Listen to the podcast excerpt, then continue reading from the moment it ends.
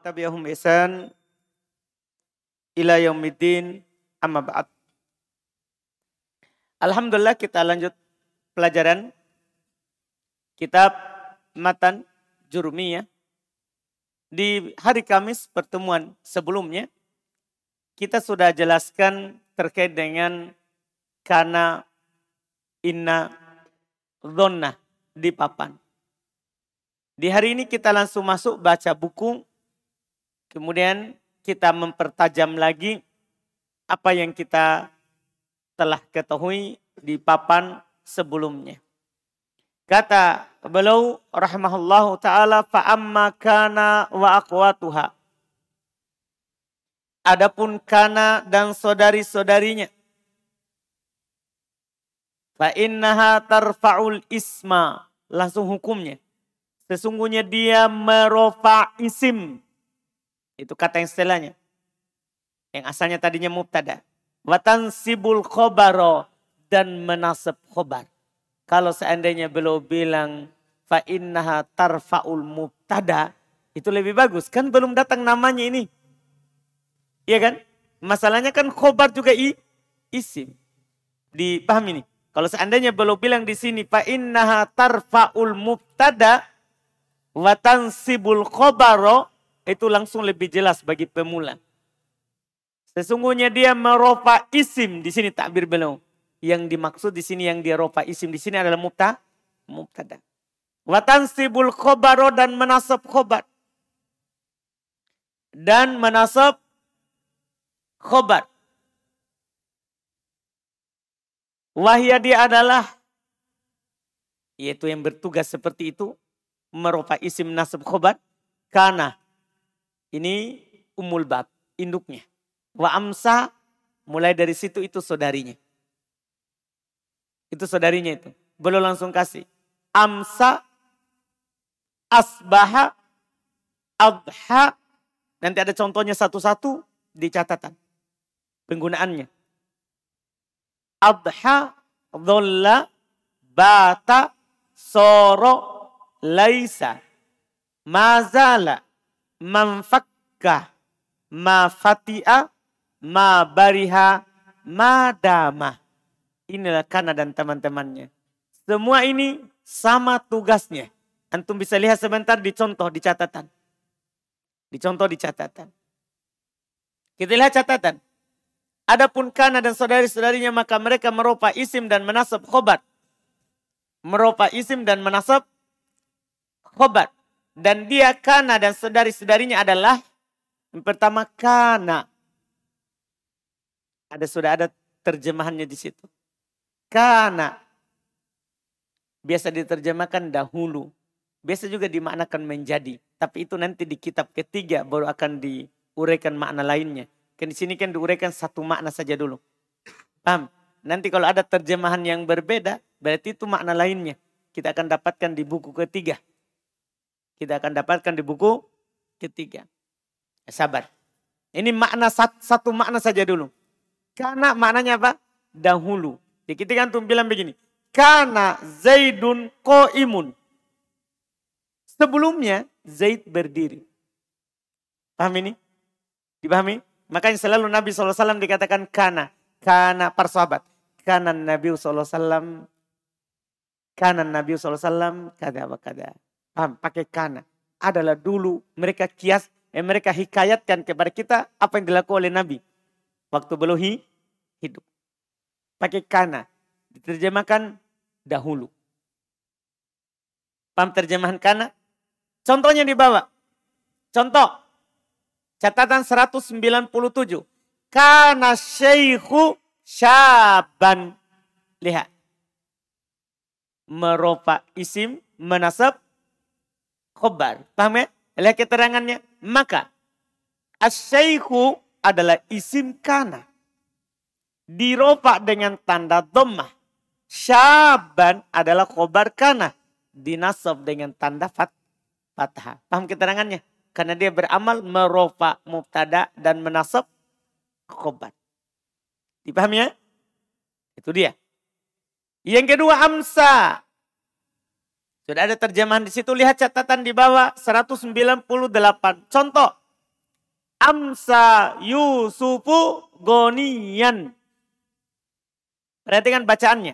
Yusufu goniyan. Karena dia merupa dan mena, menasab. Maka Yusufu adalah isim amsa. Jadi jangan lagi bilang isim kana. Kan ini yang masuk padanya bukan kana tapi temannya. Yaitu siapa sekarang? Amsa. Ini yang antum harus perhatikan nanti di dalam baca kitab.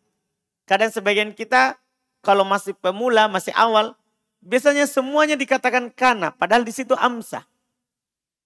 Paham kan? Padahal di situ adalah amsa, tapi itu hal yang biasa. Hal yang biasa. Jadi ini amsa. Yusuf adalah isim amsa. Diropa dengan tanda dommah dan gonian adalah khobar amsa. Dinasob dengan tanda fathah. Berikutnya lagi asbaha. Lihat catatan 199. Asbahal bardu syadidan. Ingat, di sini bukan yang paling penting terjemahannya, bukan. Yang paling penting adalah tugasnya. Merofa isim, menasab, khobar. Terjemahan ini sambil jalan saja. Bukan yang paling pokoknya. Paham firman? Perhatikan amalannya. Karena dalam baca kitab gundul ini yang kita perlukan. Oh ini ada kana. Berarti merofa dan menasab. Merofa dan menasab. Hmm. Lihat contoh untuk asbah asbah al bardu al bardu. Lihat. dan Maka al bardu adalah isim asbaha. Diropa dengan tanda dommah. Dan syadidan adalah khobat asbaha dinasab dengan tanda fathah. Mudah berikutnya lagi adha. Adha catatan yang ke-200. Adha contoh adha tolibu nasiton. Ingat di penulis mata jurumnya tidak ada contoh. Makanya kita datangkan contoh di sini untuk mempermudah. Penulis mata jurumia tidak contohkan banyak. Belum hanya contohkan sedikit. Akan datang sebentar. Sedikit sekali contohnya. Ini kita contohkan satu-satu supaya antum paham penggunaannya. Supaya antum paham penggunaannya di catatan. Adha talibu nasyiton. Maka at-talibu adalah isim adha. Diropa dengan tanda doma. Dan nasyiton adalah khobar adha. Dinasob dengan tanda fathah. Berikutnya lagi. Dholla.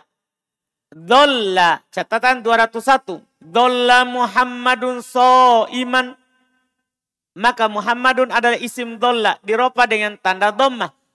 Dan so iman adalah khobar dolla dinasab dengan tanda fathah. Berikutnya lagi bata. Bata. Perhatikan catatannya. Catatan 202. Bata kholidun sahiron.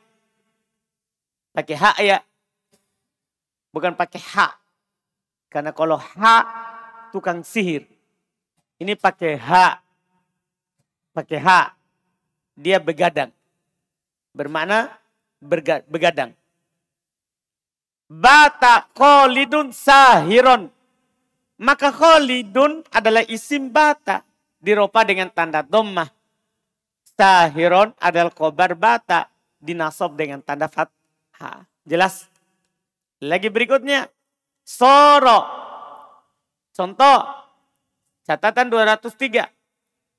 Sorol ma'u saljan. Oh itu terbalik berarti ya. Di catatannya. Iya, soronya. Iya. Soronya di depan alma. Kasih harusnya kan sorol ma'u saljan. Ini soronya di belakang. Baik. Itu yang terjadi kesalahan. Salah cetak. Sorol ma'u saljan. Perbaiki susunannya. Sorol ma'u saljan. Iya. Maka al-ma'u adalah isim soro. Dengan tanda diropa dengan tanda dommah. Dan saljan adalah khobar soro.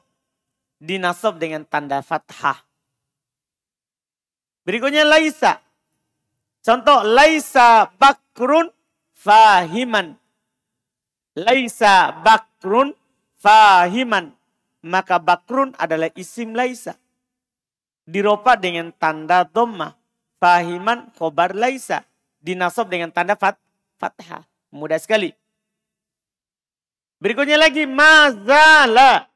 Contoh. Mazala Zaidun tawilan. Mazala Zaidun tawilan. Iya. Melihat keterangannya maka Zaidun adalah isim mazala. Diropa dengan tanda domah. Dan tawilan adalah khobar mazala. Dinasab dengan tanda fathah. Paham keterangannya? Itu penting. Berikutnya lagi ma infakka. Kalau dibaca sambung manfakka. Kalau dibaca sambung manfakka. Contoh di catatan 206 manfakka amrun aliman. Lihat maka amrun isim manfakka. Diropak dengan tanda dhammah. Dan aliman adalah khobar manfakka. Dinasob dengan tanda fathah. Keterangannya jelas. Ma fati'a. Ma fati'a. Contoh Catatan 207, ma fati'a Khalidun muhsinan. Maka Khalidun adalah isim fat, isim ma fati'a. Diropa dengan tanda dhammah dan muhsinan adalah khobar ma fati'a. Dinasab dengan tanda fathah. Berikutnya lagi ma bariha. Ma bariha, contoh catatan 208. Ma bariha Yusufu jalisan maka Yusufu adalah isim mabariha. Diropa dengan tanda dhammah. Dan jalisan khobar mabariha. Dinasab dengan tanda fathah. Sama semuanya. Berikutnya lagi dan ini yang terakhir. Madama. Terakhir temanya kana. Madama. Contoh. Madama hasanun ko iman. Maka hasanun adalah isim madama. Diropa dengan tanda dhammah dan ko iman adalah khobar madama dinasob dengan tanda fathah. Jelas ya? Jelas. Kemudian beliau berkata, wa ma tasarrafa minha. Kembali ke atas sebelah. Demikian pula kata beliau wa ma tasarrafa minha dan apa yang ditasrif darinya. Pecahannya. Nah contoh kana wayakunu kun. Jadi kana bisa jadi yakunu, bisa jadi kun. Seperti kola yakulu kul. Sama kan? Kana yakunu kun. Sama. Beramal juga itu yakunu. Beramal juga itu kun. Paham kan? Asbaha wa yusbihu asbih. Sama. Af'ala yuf'ilu af'il. Beramal juga. Asbaha beramal.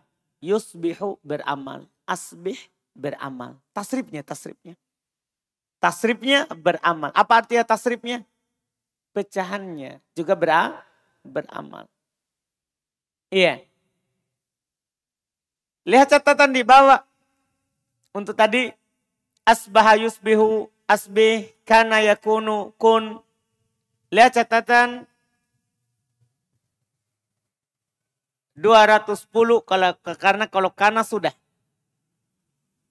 Karena kan sudah. Sekarang yakun. Lihat di bawah contoh 210. Yakunu hasanun ko iman. Sama? Lihat cara mengungkapkannya. Maka hasanun isim yakunu.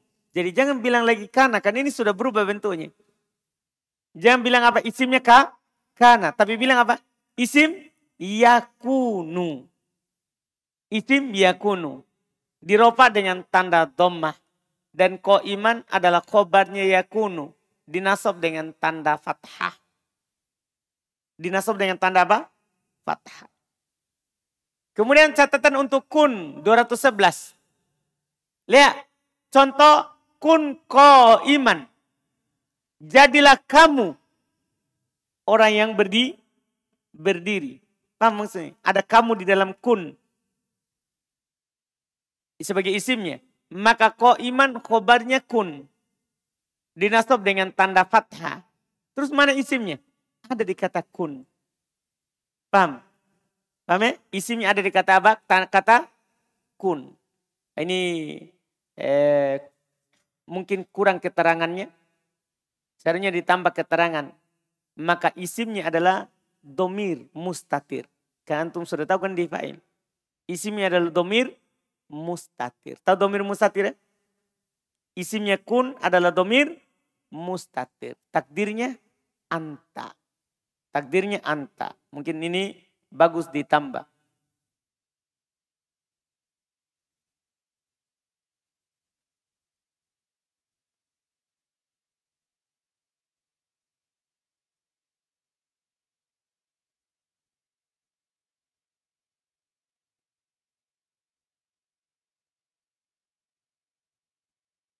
Baik.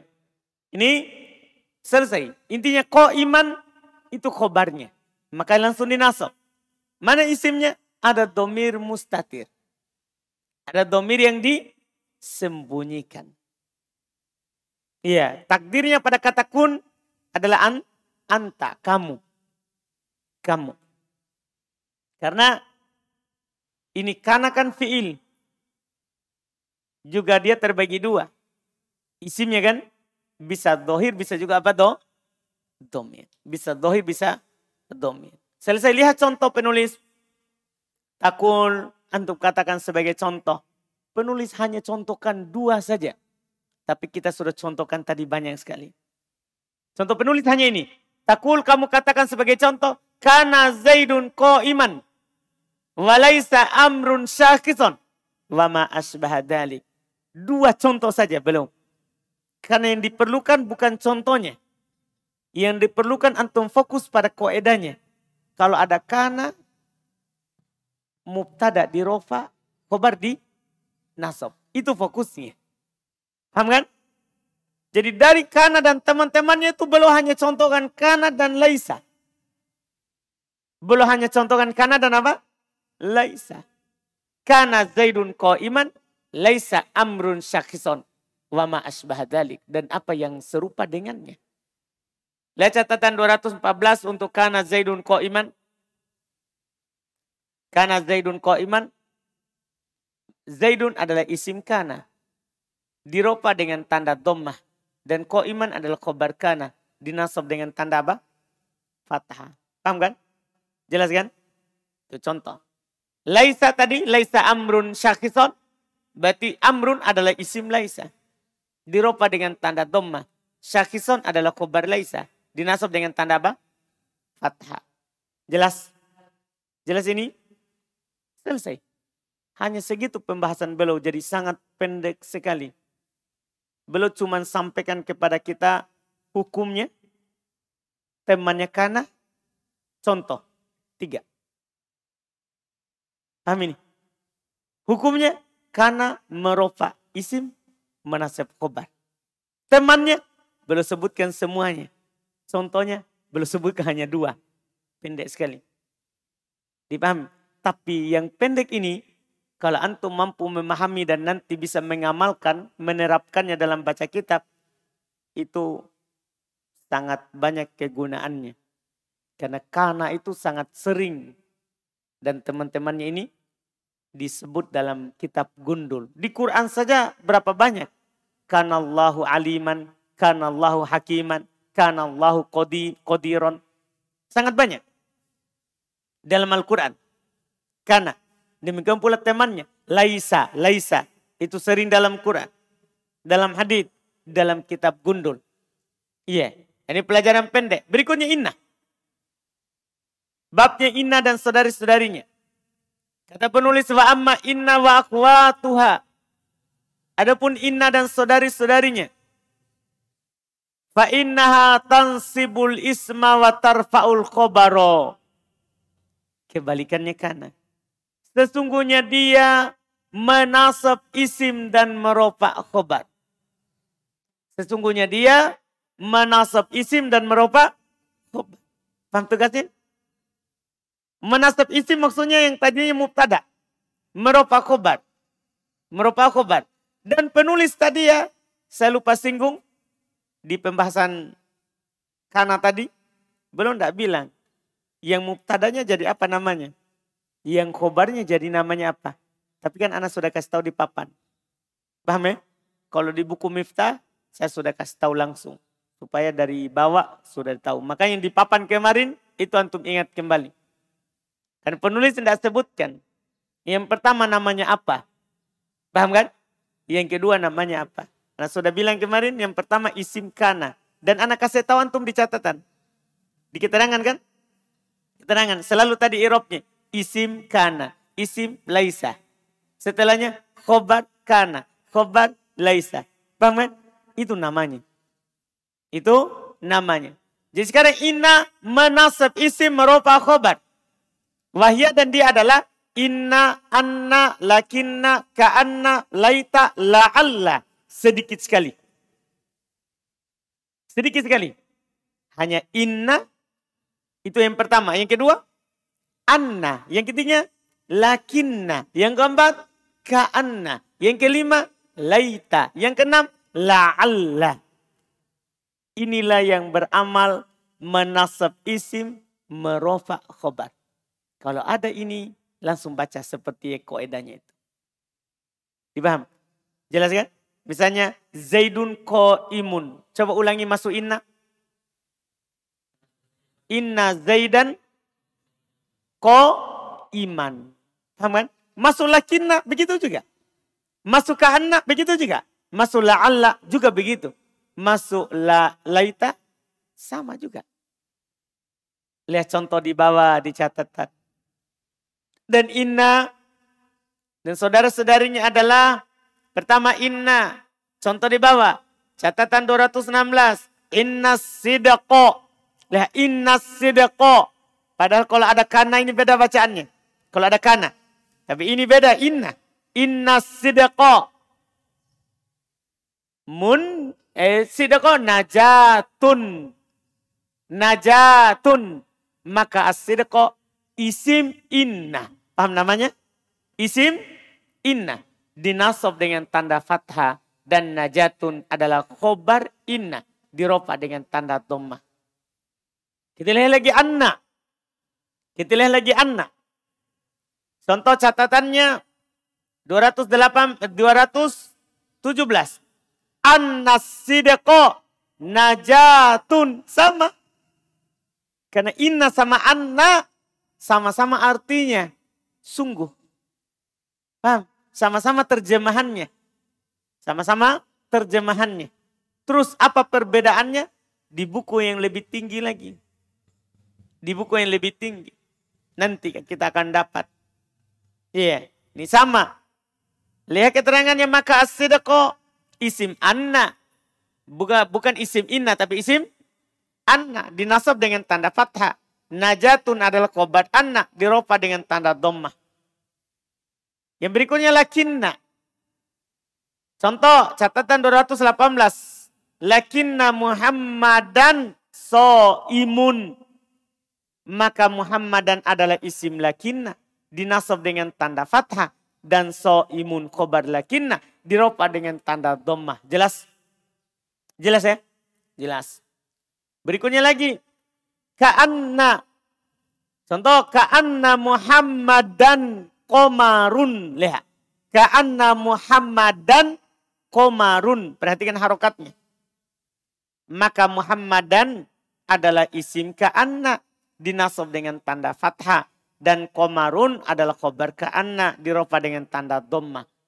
Laita, contoh catatan 220.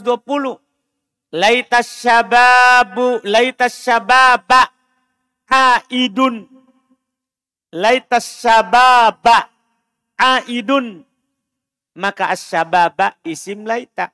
Dinasab dengan tanda fathah. Dan aidun adalah khobar laita. Dirofa dengan tanda dhammah. Terakhir la'alla. La'alla. Lihat contohnya catatan 221. La'alla Muhammadan so'imun. Maka Muhammadan adalah isim la'alla. Dinasab dengan tanda fathah. Dan so'imun adalah khobar la'alla. Dirofa dengan tanda apa? Dommah. Dipahami ini? Takul, lihat kata penulis. Kamu katakan sebagai contoh. Tadi kita contoh sudah banyak. Ini contoh penulis. Takul kamu katakan inna zaidan imun walaita amron syakhisun wa ma'asbah dan apa yang serupa dengan itu. Belum sekali lagi hanya sebutkan berapa contoh? Dua. Karena bukan contohnya yang diinginkan di sini. Karena kalau contohnya bahkan dalam kitab tidak ada nanti inna zaidan ko imun. Tidak ada. Paham ini? Dalam kitab, apalagi Zaid. Dalam Al-Quran, Zaid itu cuma disebutkan satu kali. Kata Zaid dalam Al-Quran cuma disebutkan satu kali. Dan bukan pembahasan inna kana. Bukan. Aduh dipahami ini. Jelas kan? Makanya koedanya antum ingat baik-baik. Inna. Dan teman-temannya menasob isim merofa khobar.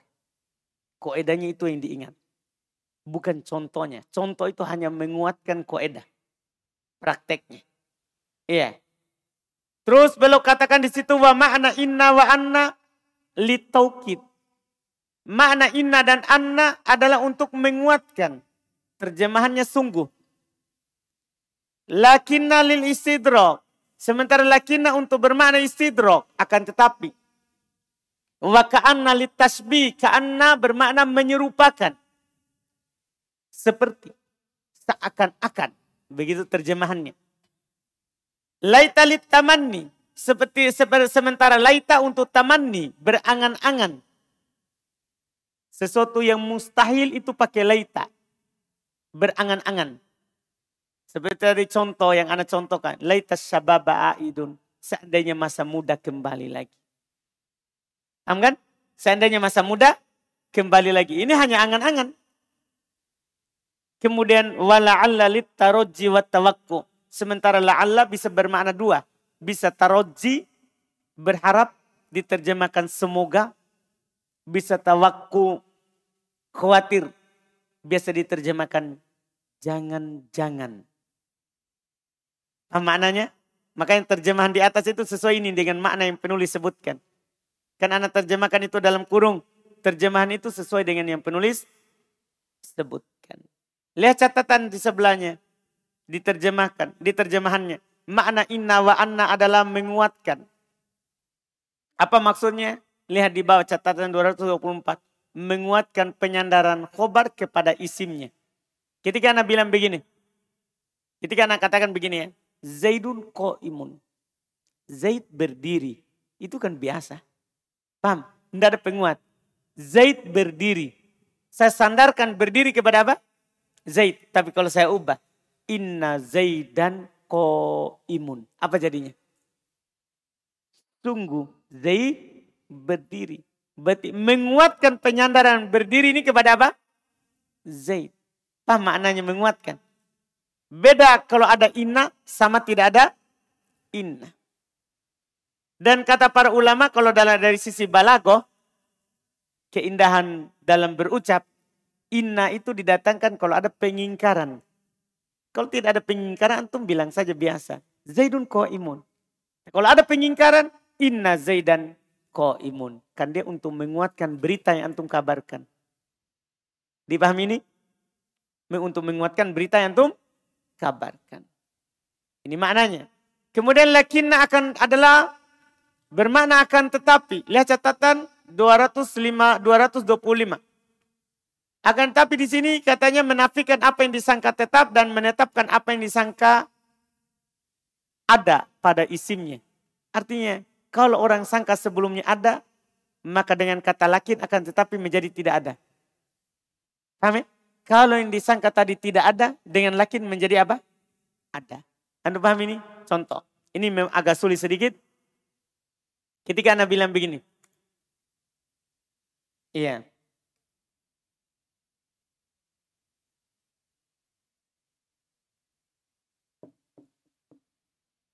Zaidun solehun. Zaid orang soleh.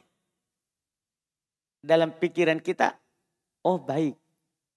Nah, dermawan. Kan dia orang so, soleh.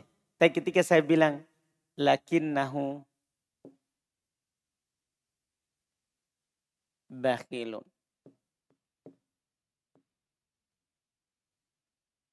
Akan tetapi dia kikir.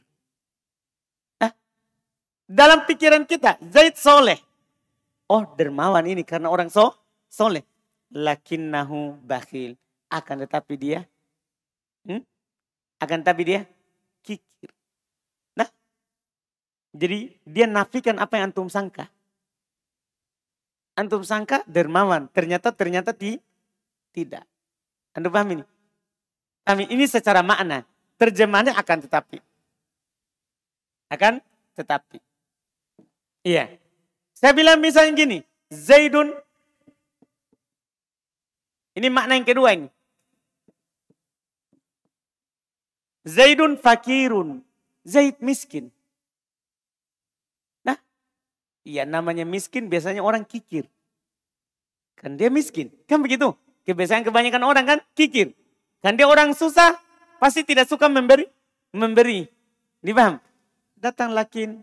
Itu kan kita nafikan dari dia kan. Kita nafikan. Datang lakin. Lakin nahu. Lakin nahu jawad. Jawadan. Jawadun akan tetapi dia dermawan. Hah? Sama terjemahannya.